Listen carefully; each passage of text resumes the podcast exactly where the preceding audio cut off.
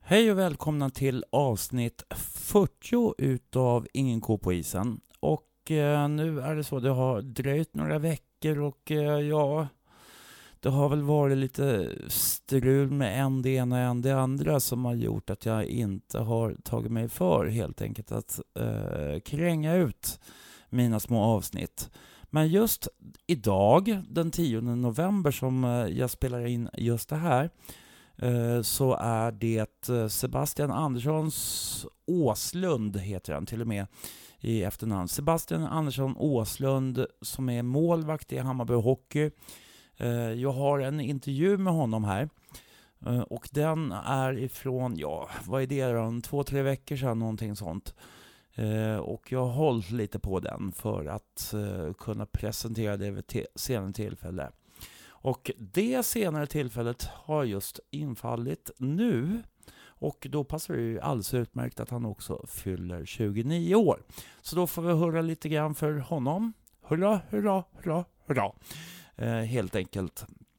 Sedan så är det så att jag ska ta upp lite grejer som händer, eller ska man kanske säga inte händer.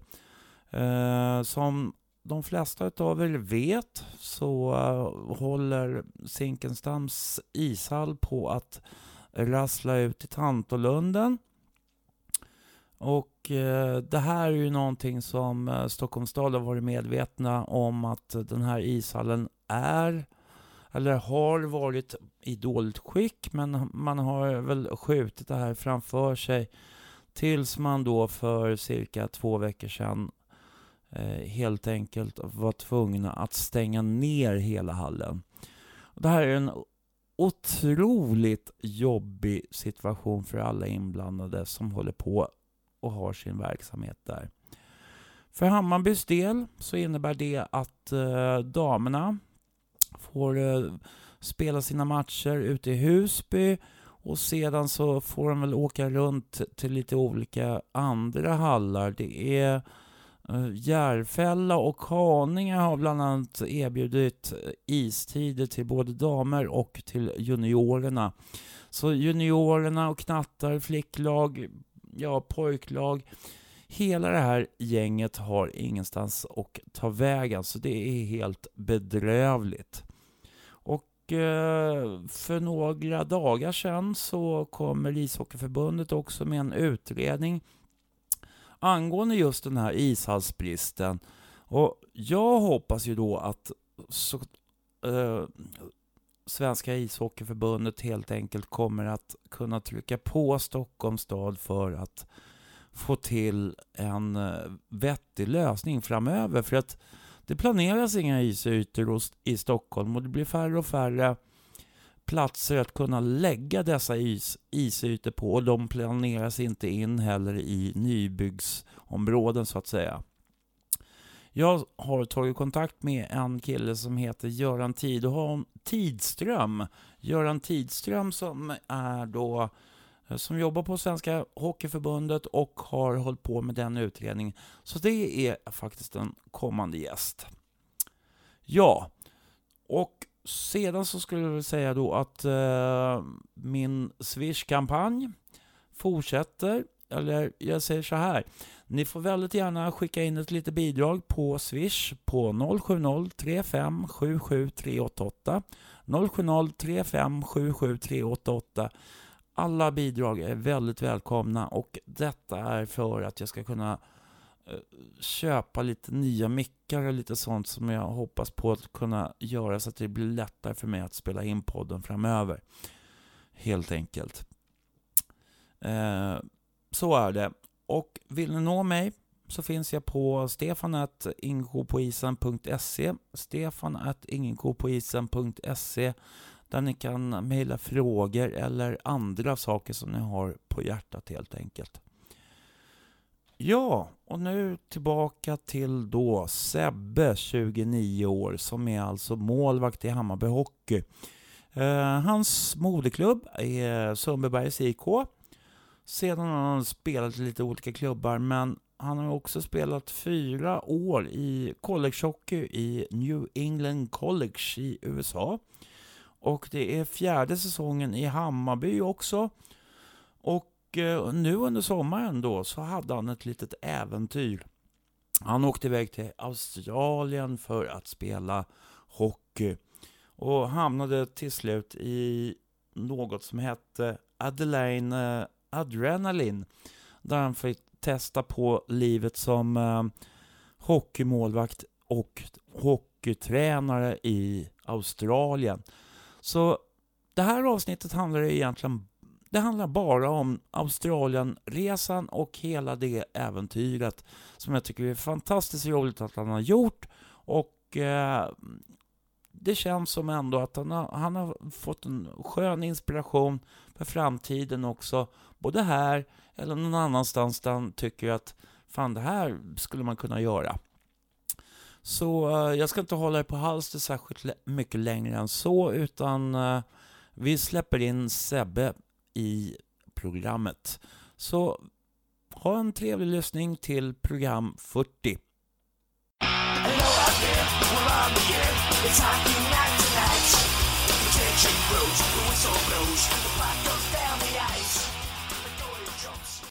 Eh, det här är Stefan Ståhl med Inge K på isen och nu har jag en gäst med mig och det är Sebastian Andersson. Heter du Åslund fortfarande? Jag heter Sebastian Andersson på pappret men jag kommer byta till Åslund uh, ja, en vacker dag. Får se när det blir, om det blir om ett år eller om ett par år, men eh, det är väl planen. Det är frugan alltså? Nej, utan det är faktiskt så att det är det namn som min farmor hade innan hon gifte sig med farfar. Jag vet inte, vad, jag, har inte, jag vet inte riktigt vad det kallas, men så jag hade i alla fall tänkt att köra vidare på hennes namn sen i framtiden. Och, eh, men eh, ofta så säger man bara Sebastian Andersson. Ja, eh, det är det som jag heter just nu på lägget i alla fall, så att Sebastian Andersson får funka vidare. Men det är ju så jävla många som heter det, så det är därför tänkte jag att vi, det får bli Åslund sen i framtiden. Initialer? Ja, det, kan väl bli besvärligt. Vi, får se hur det blir med den biten. Ja. Uh, anledningen till att jag vill ha med dig som gäst idag är uh, lite grann om uh, vad som hände efter förra säsongen. Du kan väl berätta lite grann hur du upplevde först då, då för, förra säsongen? Uh, nej, men förra säsongen för min egen del var, var väldigt kämpig. Uh, innan jul så hade jag tagit på mig lite för mycket på jobbet, eh, lyckades gå in i väggen, eh, återspeglar sig ganska mycket på mitt spel. Sen efter jul så tyckte jag att jag höjde mig ganska avsevärt och kom tillbaka till den nivån. Och sen för laget så tycker jag att vi uh, gjorde väl ingen toppen-serie innan jul men lyckades göra oss själva rättvisa efter jul och tog oss till ett välförtjänt playoff. Där jag tycker att eh, hemmafördelen blev avgörande för i Tranås favör då, som vi mötte i för-playoffet som det hette. Eh, men vi lyckades slå dem på hemmaplan och eh, ja, jag tycker väl att vi var, de, de var jättestarka hemma så jag tycker att hemmaplansfördelen blev helt klart avgörande där. Vad tycker du att man hade kunnat göra bättre? Om du ser på det lite grann i backspegeln.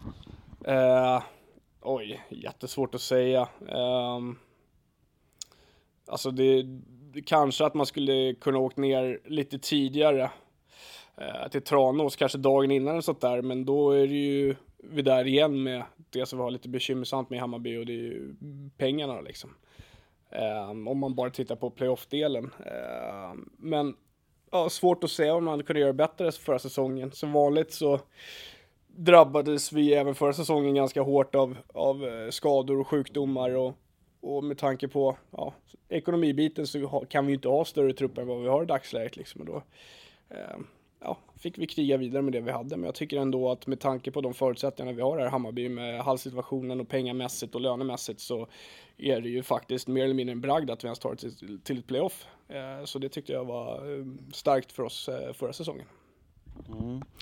Uh, nu, alltså efter säsongen så uh, trodde vi att eh, du eh, skulle ta, få ta lite semester, men du gjorde någonting helt annat.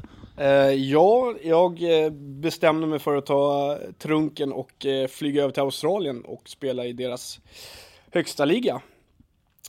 Och hur jag kom över dit var att det finns en spelare i ligan som är svensk med ett förflutet i Hammarby. Många av er känner kanske igen honom, Per Daniel Göransson.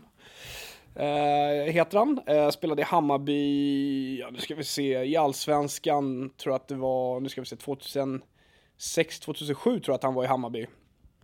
Och eh, han flyttade över till Australien för att plugga, la med hooken helt, pluggade borta i Perth och sen så eh, var han nere och körde i en lokalt hockeylag där borta och så såg eh, laget, Perth-laget som spelar i högsta ligan där borta han och frågade om han ville vara med och lira. Det här är ett par år sedan. Så bestämde han sig för att vara med och lira och sen har han blivit australiensisk medborgare och är numera med i Australiens landslag. Och det var faktiskt han som föreslog att jag skulle ta och komma över till eh, Australien och eh, sagt och gjort. Så eh, ja, tog jag med mig trunken och åkte över. Men hur kommer det sig att han... Eh, hur, hur, då måste han ju ha följt dina stats eller, eller hur, hur, någon, någonting mer måste han ju ha haft på benen. Eh, ja, vi, vi har ju ganska många eh, gemensamma vänner. Ehm, jag har en eh, bekant från college-tiden som jobbar som spelaragent idag. Och jag hade lite kontakt med han och han känner Per Daniel sedan tidigare då. Så att han, ja, introducerade varandra till, ja, introducerade oss då. Ehm, Och eh, Per Daniel försökte få över mig då till, eh, till sitt lag Canberra, eh, men de valde att signa en kanadensare istället, så att då eh, då trodde jag att jag inte skulle åka över till Australien, men då en och en halv vecka innan deras säsong började, mitten på april, så hördes eh, ett lag som heter Adelaide Adrenaline, hörde de av sig. Eh, och då bestämde jag mig för att åka över till dem då i sista sekund. Ehm, nu kanske jag kommer av lite off topic här, men jag, jag är ganska duktig på att prata på. Ehm, men då eh, var det så att då flög jag över på en onsdag och så landade jag på en torsdag där borta. Och så på fredagen så hade vi, jag tror att det var en timmes träning på halvplan där borta. Um, innan vi skulle ha match lördag, söndag i Melbourne. Så att det var ganska tvära kast um, med att komma över dit. Och då hade jag inte ens stått på isen vi åkte ut mot Tranås. Så att det var ju två månader där som jag inte har stått på is. Så att, uh, ja, det var bara rakt in i hetluften igen när man kom bort dit. Eh, hur eh, kändes det? Alltså har du varit i Australien överhuvudtaget förut? Nej, jag har ju aldrig varit i Australien tidigare så jag såg det ett sätt som att, eh, en liten gratis semester och få komma över och spela hockey, pröva på hur det är där och ja, få se Australien då. Så att, eh, eh, jättebra upplevelse, eh, jätteroligt. Eh, både som sagt en stad som heter Adelaide eh, och det är åtta lag i högsta serien för er som inte har koll på det. Eh, ett från Perth, två från Melbourne, två från Sydney, ett från Newcastle och ett från Canberra. Och du möter alla lag fyra gånger, två hemma, två borta. Eh, så att matcherna var ifrån mitten på april fram till slutet på augusti. För vi eh, missade slutspel, så att eh, slutspelet är första i september. Så att jag fick eh, möjlighet att åka hem i slutet på augusti där för att ansluta till Hammarby inför den här säsongen då. Eh, men eh, ja, det var en... Eh, ja. Laget var väl kanske inte det bästa eh, talangmässigt sett så att säga, men det var en otrolig erfarenhet och jag är jätteglad att jag åkte. Hur blev du mottagen där? Eh, jag blev jätteväl mottagen. Ehm, varje lag får ju ha eh, fyra importer som ska höja eh, nivån på ligan så att säga. Och eh, importen överlag tycker jag håller väldigt hög standard där borta. Eh, jag vet att Canberra bland annat hade en gubbe med närmare 81 fighter tror jag i KHL eller sånt där. Och eh, många spelar i ECHL eller SPHL i, i Nordamerika eller i högsta ligan i Storbritannien under deras vanliga säsonger så att säga. Så att eh, det var ja, jättekul så att säga. En del att resa med också på flyget. Det kanske inte var så roligt att ta med sig den. Eh, förlåt, säg det igen. Alltså trunken med alla, all utrustning, hur, hur gick det? Uh, ja, det var, ja, det var väl inte allt för farligt. Ehm, eh, de, fick, ja, de fick ju köpa med, jag fick, ska vi säga, 30 kilos övervikt tror jag och det försökte jag eh, jag tror att min trunk väger kanske 35-36 kilo vanligtvis, så jag fick ju banta mig lite med eh, med skenor och grejer och till 30 kilo och eh, fick jag hjälp till flygplatsen av farsan då och, och sådär och sen så fort jag landade i Adelaide så kom de och hjälpte, då, hjälpte mig med, med grejerna. Um, så att det var inga problem så, klubben fick jag ju där borta så att uh, det gick bra. Eh, vad bodde du i för faciliteter? Eh, jag bodde i en lägenhet mm, tillsammans med två av kanadensarna i laget då. Vi bodde trerumslägenhet i en del som heter North Adelaide som är en förort till Adelaide. Ligger bara 10 minuters promenad från downtown. Ehm, och det var, ja men det var, allting var jätte, det var perfekt. Så fort man kom dit så blev man hämtad på flygplatsen, skjutsad till lägenheten. Ehm, vi hade två bilar som de hade ordnat till oss, eh, som vi tre fick dela på. Eh, ja, 10 minuter till ishallen, körning. Eh, vi bodde 20 minuter körning från stranden.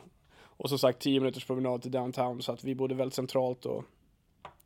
Nej men det var... Eh, väldigt imponerad över strukturen och och standarden överlag skulle jag säga.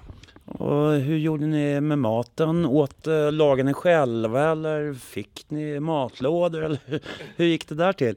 Ja, riktigt så lyxigt som eh, hemma i Bayern har vi inte, men eh, det blev... Eh, vi körde, vi tre turades om att laga käk.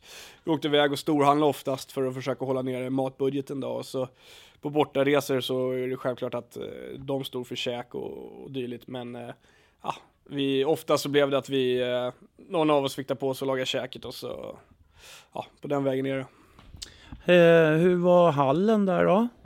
Uh, ja, jag skulle vilja säga att uh, om ni tycker Sätra inte är någon charmig hall så, så är ju Sätra bra mycket lyxigare jämfört med den hallen vi lirar i då. För att i Adelaide så bor 1,3 miljoner och det ligger i delstaten South Australia och det är den enda ishallen i hela delstaten. Och ishallen byggdes 1981, men den byggdes inte som en ishockeyishall, utan det var nämligen byggt för så här rundskridskoåkning på en sån här stor bana och en skidbacke invändigt. Och numera så används inte skidbacken, men eh, så att takhöjden skiljer ju flera meter ifrån där skidbacken kom ner en gång i tiden till idag. Och de har lyckats trycka in då en is, en, en rink då med NHL, mindre än NHL-mått, så att det är ju väldigt liten eh, rink de har och sen så har de även tryckt in en lite mindre rink bredvid som är mindre än en zon.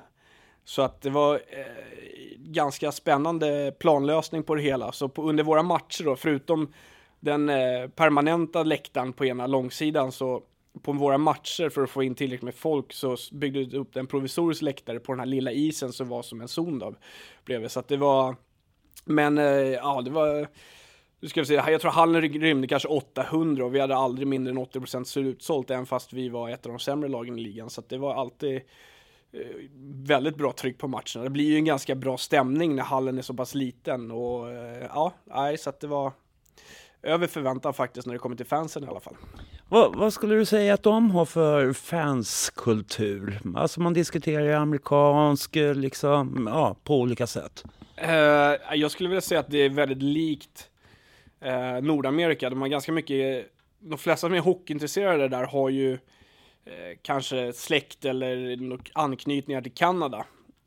Um, så att det är väl lite mer fanatiskt där. Jag skulle vilja jämföra lite med fotboll här hemma i Sverige på, på fansidan, eller ja, kanske i SHL också, det är svårt att säga. Men eh, det var ganska fanatiskt och det var, man fick mycket stöttning och eh, det var bra tryck på läktarna och så att, eh, ja, ehm, Sen så när man väl kom ut i stor, de, lite, de ännu större städerna, Sydney och Melbourne, så var det väl kanske lite, nu ska jag inte säga Stockholmssyndromet för det är något helt annat, men liknande som det är i Stockholm när det kommer till att det finns så mycket annat att göra än att kolla på ishockey. Så att på de matcherna gapade det tomt, men när det var i lite mindre städer som Adelaide, Canberra, Newcastle, då var det ju fullsatt på ja, 6, 7, 800 och, och jättetrevlig inramning och sådär med barbecue och tailgate innan matcherna och eh, sådär eftersom vi spelade på lördagar och söndagar. Så att, eh, ja, vad kul var det.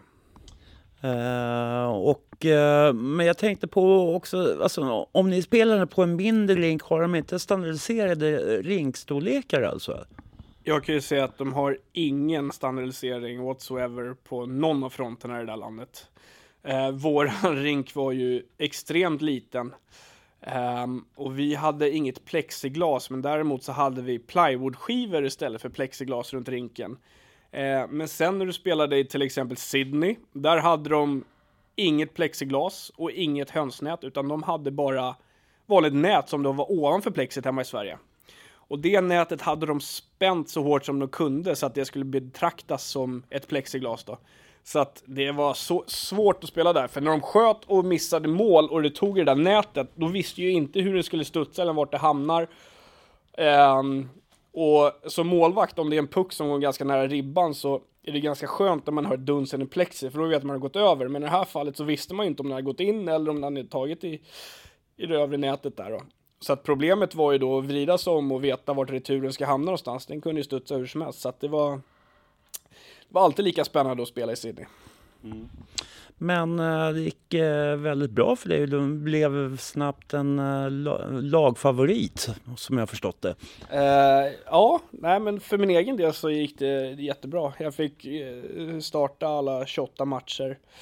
Ehm, och tyckte att även fast eh, ja, statistiken är väl okej, eh, men även fast laget kanske inte vann så, så många matcher som hade önskat så tyckte jag att mitt spel fungerade ganska bra och det var väl kanske därför som man fick eh, ja, visa sig så pass mycket också, för att man fick mycket skott på sig.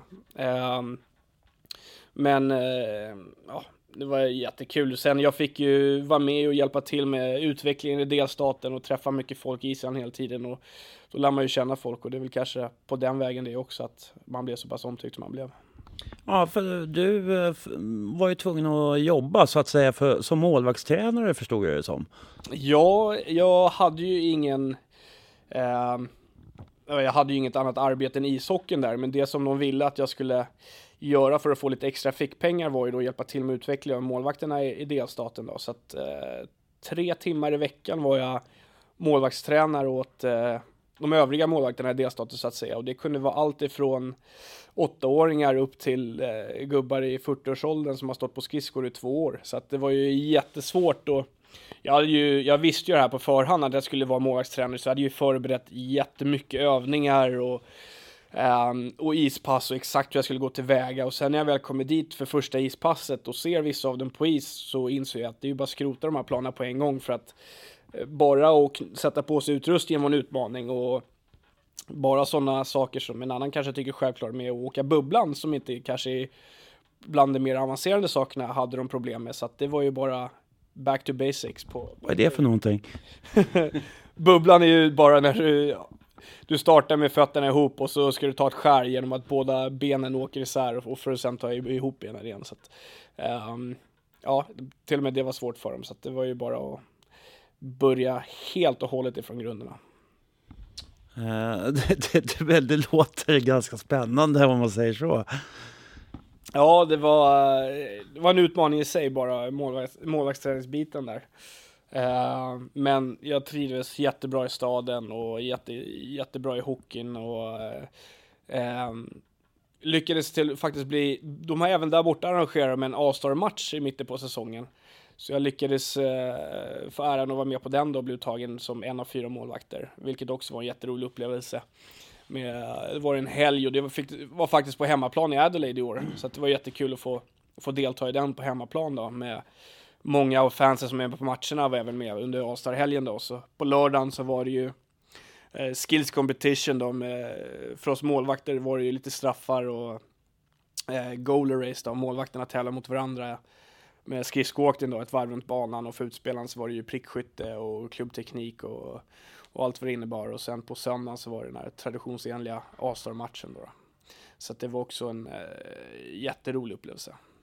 Hur mycket uppmärksammas hockeyn överhuvudtaget i Australien? Eh, jag skulle vilja säga att hockey är ganska liten, men att den är på kraftig uppgång där borta. Ehm, på senare år så har de ju börjat eh, livesända någon match i veckan eh, på Fox Sports, som är en av de större eh, sportkanalerna där borta. Eh, så att hockeyn är på uppgång.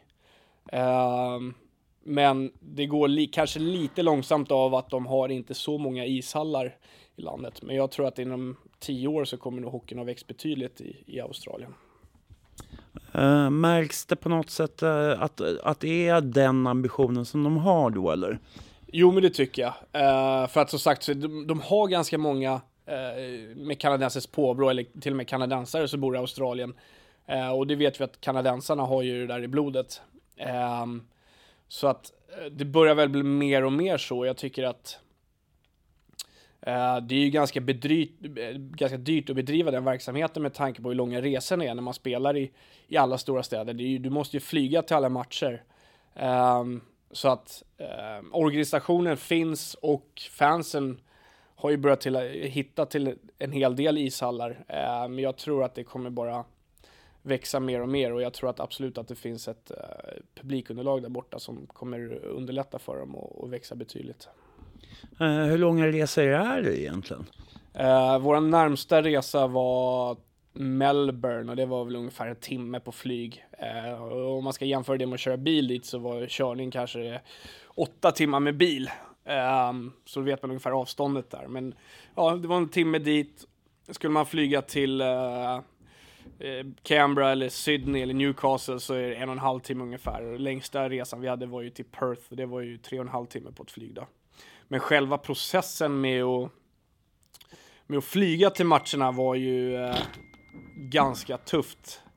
Eh, jag sitter ju hellre på en bussresa i, i, åtta timmar än att flyga kan jag ju säga en timme för att det är ju det är ju mer än bara att flyga en timme. Du ska ju kliva upp tidigare, du ska packa trunken, släppa med till flygplatsen, hitta parkering, stå i kö och vänta med att checka in bagaget, checka in bagaget, vänta på flyget, komma av flyget, vänta på bagaget, släpa det till en buss och sen ta en ishall så det är ganska, det är en enorm process att flyga så, så att äh, jag föredrar bussresa alla dagar i veckan alltså. Mm.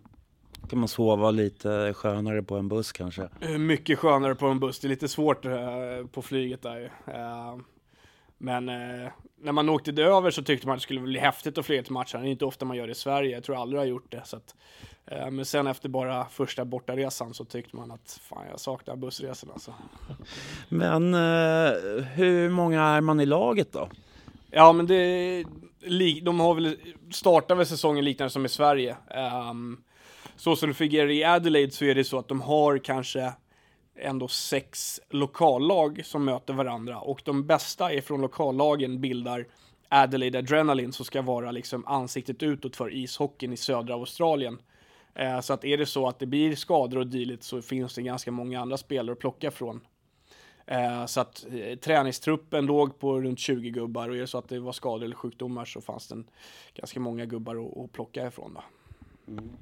Hur mycket skrivs det om i, i, tidningar och sånt där? Jag såg, att, såg någon liten söt intervju med någon liten tjej där som hade någon alltså videokanal eller vad var det för någonting? Eh, vi importer fick vara med på lokal-tv där då för att försöka promota hockey lite och sen kolla hur, hur väl vi hade lärt känna Adelaide under våran period där då. Eh, men det, det, är väl, det skrivs väl inte mycket mer än att det är ett par notiser och sådär i lokaltidningen vet jag. Eh, men eh, ja, det är, väl, det är väl med några highlights lite då och då på, på nyheten och sådär. Men eh, mycket mer än så är det inte för tillfället. Mm. Uh, och i övrigt, förutom hockeyn då, så hann du åka iväg på lite strandäventyr, eller vad gjorde du för någon? Surfa? Ja, vi hade ju några helger när vi var spellediga så då passade vi på och eh, smita iväg en vecka på, på lite semester till Bali bland annat då. Eh, men det var ju lite svårt att surfa när just vi var där för att vi var där under, under våran sommar vilket är deras vinter så att vi hade väl kanske ja, som kallas 15 grader om dagarna och det kanske inte låter så hemskt på vintern men för australiensarna så var det väldigt kallt. Så att mycket surfning blev det inte, men eh, en vanlig dag kunde ju se ut som att man klev upp vid 8-9, käkade schysst frulle, drog iväg till gymmet någon timme, eh, kom hem, lagade en lunch och sen drog man till ishallen och var där och antingen tränade eller coachade och sen så, ja, åkte man hem och tog det lugnt eller, ja.